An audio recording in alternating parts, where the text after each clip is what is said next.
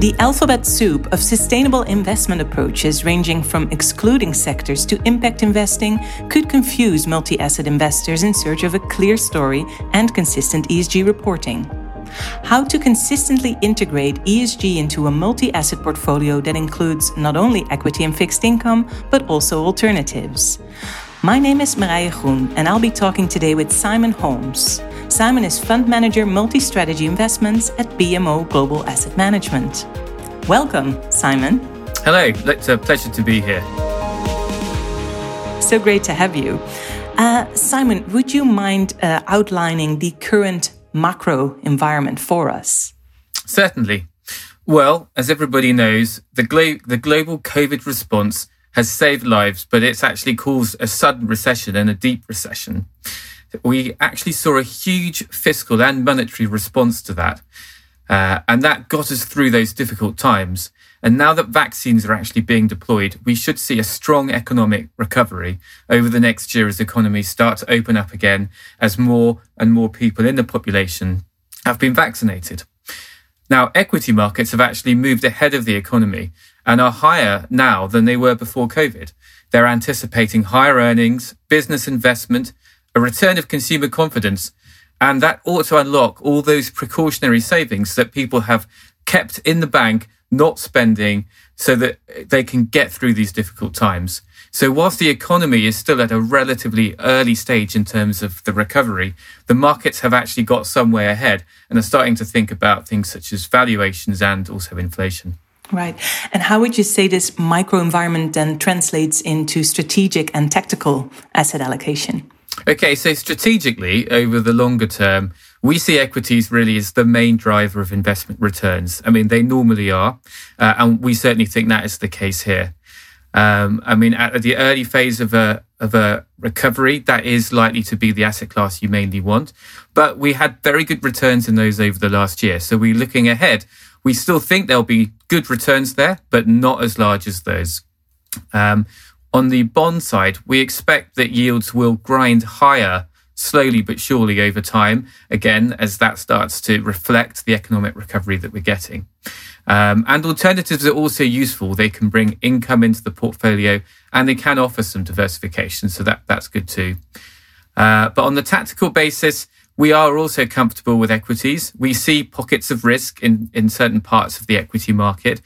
Uh, and that is something that we think about. But we try to make up for this with some strong underlying security selection. Hmm. What would you say are currently your main concerns for multi asset portfolios? I think the main thing that we're worrying about and which the world is worrying about is about inflation. And that isn't to say inflation is absolutely going to come back. And I think if you think about it, the last decade, we've always not seen inflation really on very much on the high side. It's actually been lower than people expected or that central banks actually want.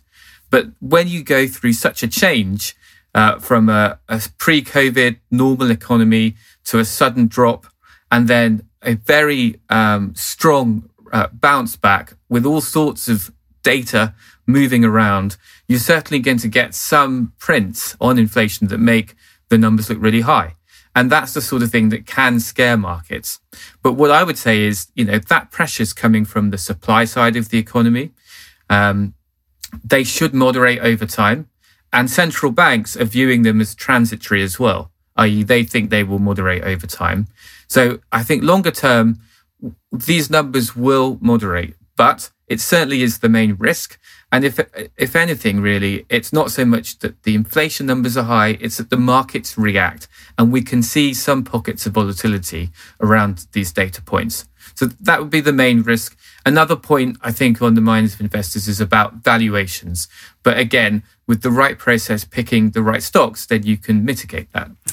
I'd like to dive in uh, with you, Simon, on ESG from a multi asset perspective. Uh, that's uh, one of the topics we're discussing today. Do you think investors can benefit from combining uh, two investment trends in one package? So, both sustainability as well as actively managed multi asset? Um, absolutely. In fact, you know, we've been working hard at BMO to be able to bring a multi asset product, which really I think is the right product to offer to all sorts of types of investor who want to match against their risk appetite. But we know that there's a strong and growing trend in favor of sustainable investment. So really being able to bring your own values, what you're thinking about with the environment and with society into those investments too.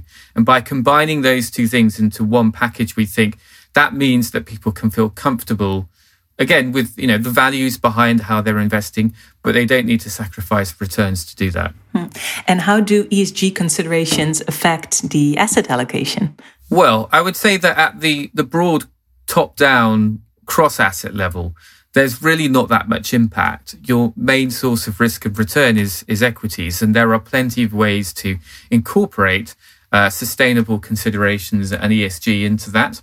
Um, so I think that's the first point to take away, really. Uh, I would say within the asset classes, there are some things to think about. So for example, within equity strategies, you can sometimes see a bias on the sustainable strategy towards growth and quality and away from uh, what one would call deep value.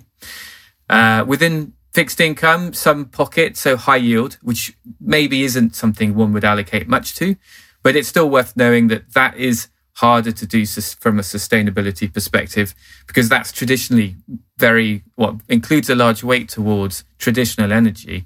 And if you rule out fossil fuels as we do well then you don't know those names.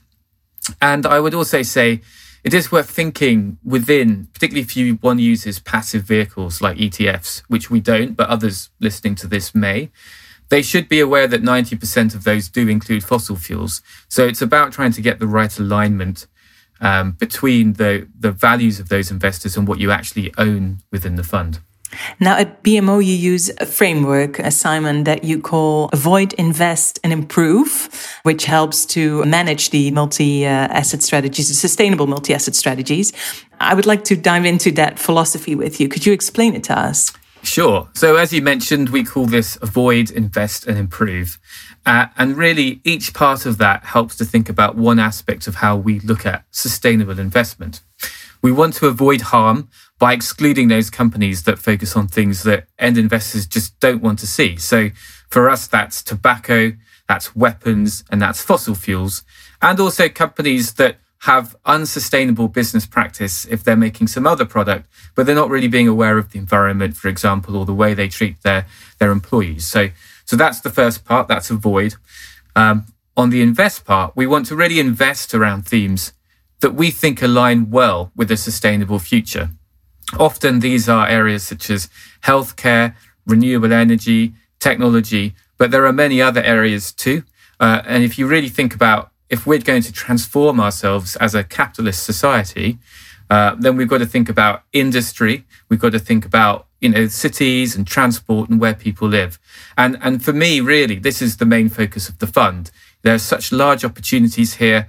If you think that I mean, it's been estimated that we need several trillion dollars of investment every year just to be able to try to get to something that looks like a sustainable future in the next couple of decades um, and then finally on the improved part this is about us working and engaging with those companies that we've invested in to try to help them to see how to apply best practice in the way that they manage themselves. Could be some specific areas about you know how they set targets on energy use or the way they also treat their employees. But those three parts together, we think, make for a good all round sustainable approach. And I would also add that we see real positives here overlapping to the investment side, because if you invest in companies that do these things well, then you've actually really reduced some, some risk as well from the company side. So that makes for better returns and lower risk, as well as that well aligned sustainability. Thanks for clarifying that. Um, I can imagine, Simon, that a challenge with sustainable multi asset investing is that you have to adopt the right mix of uh, sustainable investment styles. How do you do that? Well, it's certainly true that you can see on sustainable strategies, like I said earlier, a bias perhaps towards growth and quality and away from value, but it doesn't need to be like that. Um, one of the things we do is we're looking for sustainable investments that can also provide some income, particularly in the equity space. And that certainly helps manage the balance of um, equity type styles within that. We also think it's really important to look at investments on a case by case basis. So if you're looking for companies with quality earnings, um, good relative valuation, a good sustainable focus, then actually you build a good portfolio almost no matter what. And that's what we've really done across the equity piece, but also on the corporate bond side and adding in some alternatives uh, into a good overall, uh, well diversified portfolio. And how do you apply consistent ESG parameters across all these asset classes? Um, well, I mean, we strongly believe that consistency and transparency is important. Um, I mean, if you think that, as I mentioned, we have certain exclusions, we don't want companies that own fossil fuels or, or make weapons.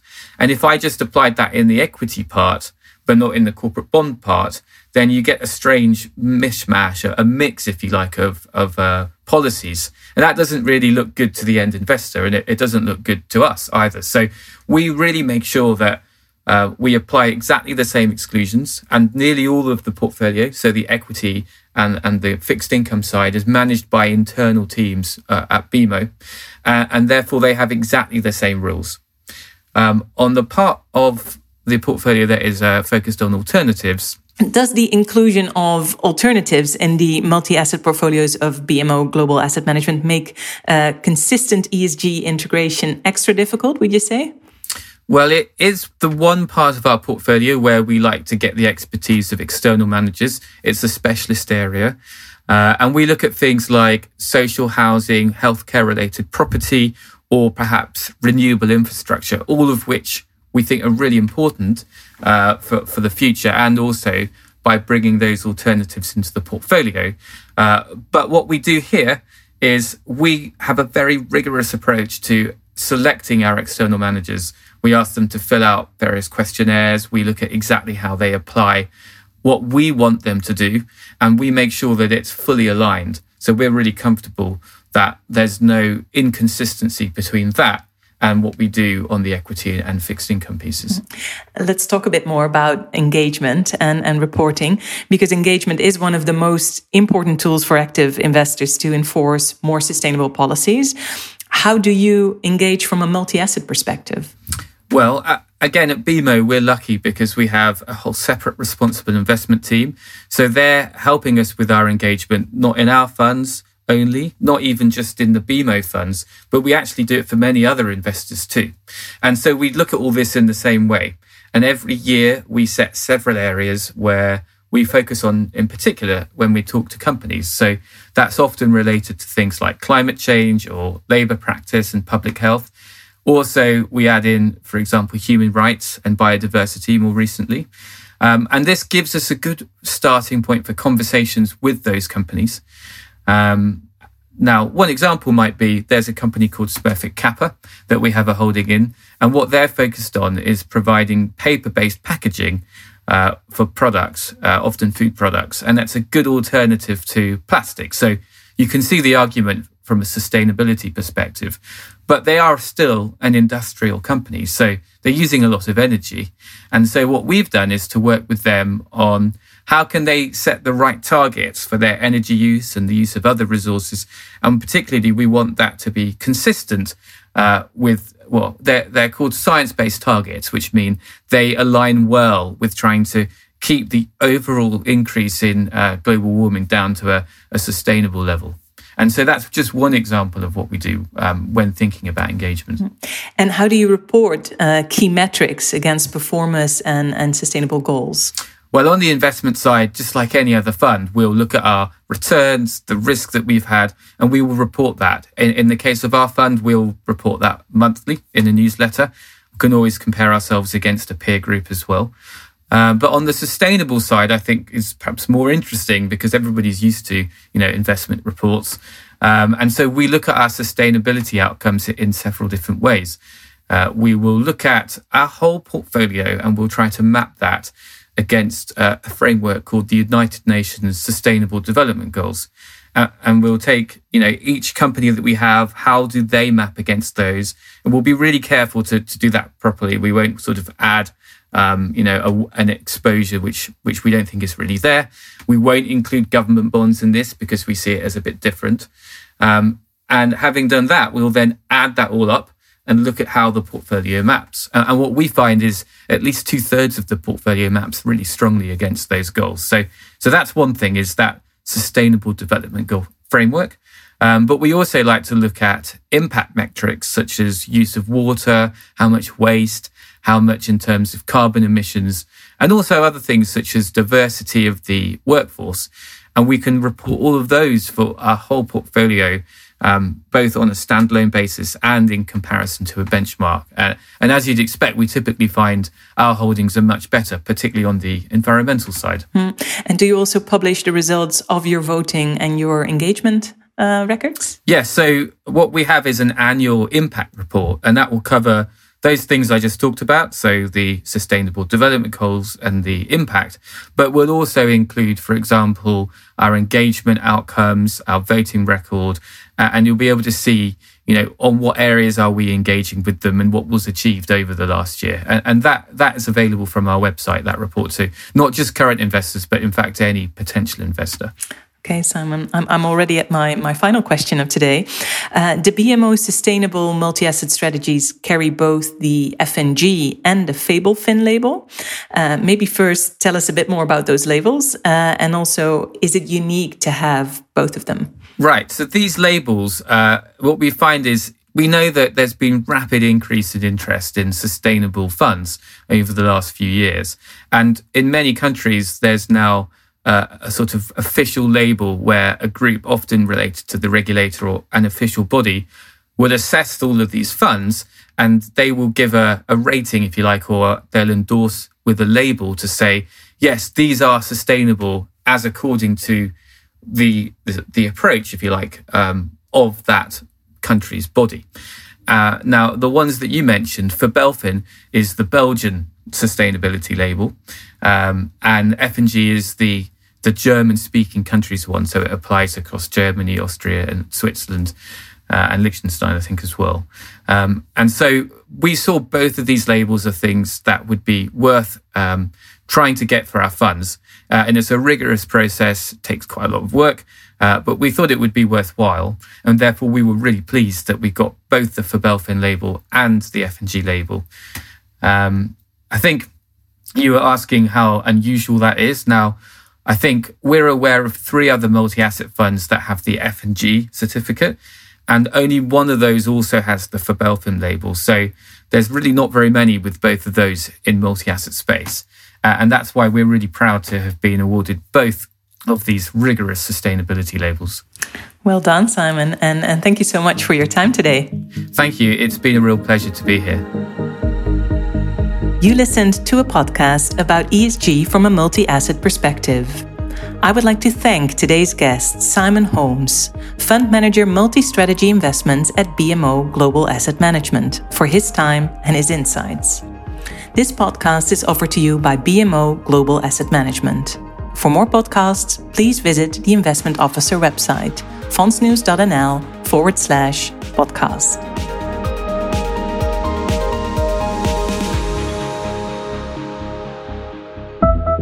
Copyright 2021 of BMO Global Asset Management. Financial promotions are issued for marketing and information purposes. In the EU by BMO Asset Management Netherlands BV, which is regulated by the Dutch Authority for the Financial Markets, AFM.